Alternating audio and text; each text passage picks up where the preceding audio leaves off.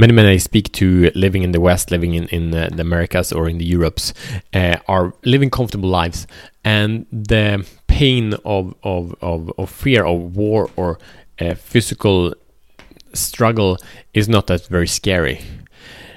Doesn't is not the core driver, but it is something else that is a massive driver, but is often hidden because of their protection mechanism and sedation. Today we speak about a powerful topic and that will unleash your power and potency. Welcome to Show the Fuck Up podcast. My name is Matt Fyron and this show is for men that are ready to free themselves from the prison of playing small and unleash their personal greatness. Boom! So the thing is that um, most men we striving for success and it's awesome. We, we strive for achievement. We strive to build great things that are valuable for ourselves and, and our families and others and that's freaking awesome. Let's let's go let's do that. Let's have fun right? Let's do let's do that. Let's have fun. Like there's no question about it. It's, it's just awesome.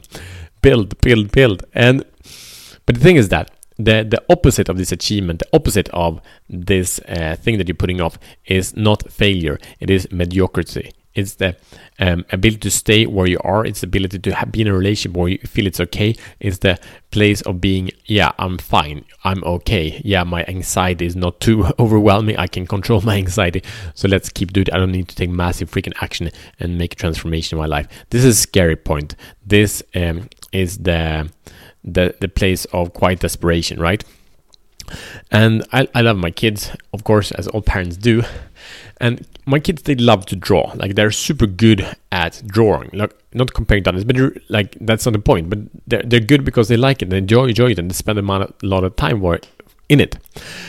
And colors are cool, and one of their favorite colors is the rainbow color, and that's a freaking awesome color, and they think it's a color. Like I love that. That's so cool. Like, what's your favorite color? They say like rainbow.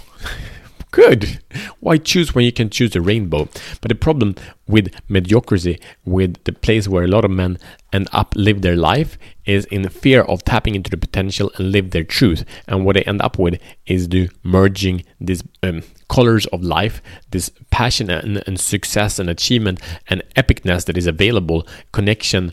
Um, creation that is available to us in, in, in the beauty of the rainbow, they actually tap in and only create the mess of the brown. They just mix it all together to something that isn't good. Like the rainbow is cool because we go full in uh, at part of the rainbow, it's full on blue, and then it shades over and then it becomes another color and and that like it's full on red on the other side of rainbow like it's full on you see the colors clearly and that's how we want to live our lives right so the invitation here is is to to uh, connect to the mediocrity that is in your life. It's quite likely it's there somewhere, and find create a path to actually beat it, to actually own it.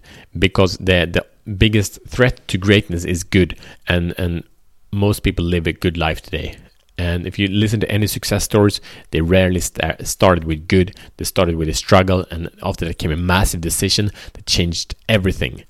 So, with that, I invite you to live fully, hold nothing back, and create a, a life of your favorite color, even if it's rainbow. Your mission, should you choose to accept it, is to identify mediocrity, is to take action uh, on it, and never look back. I see tomorrow as better men. Boom.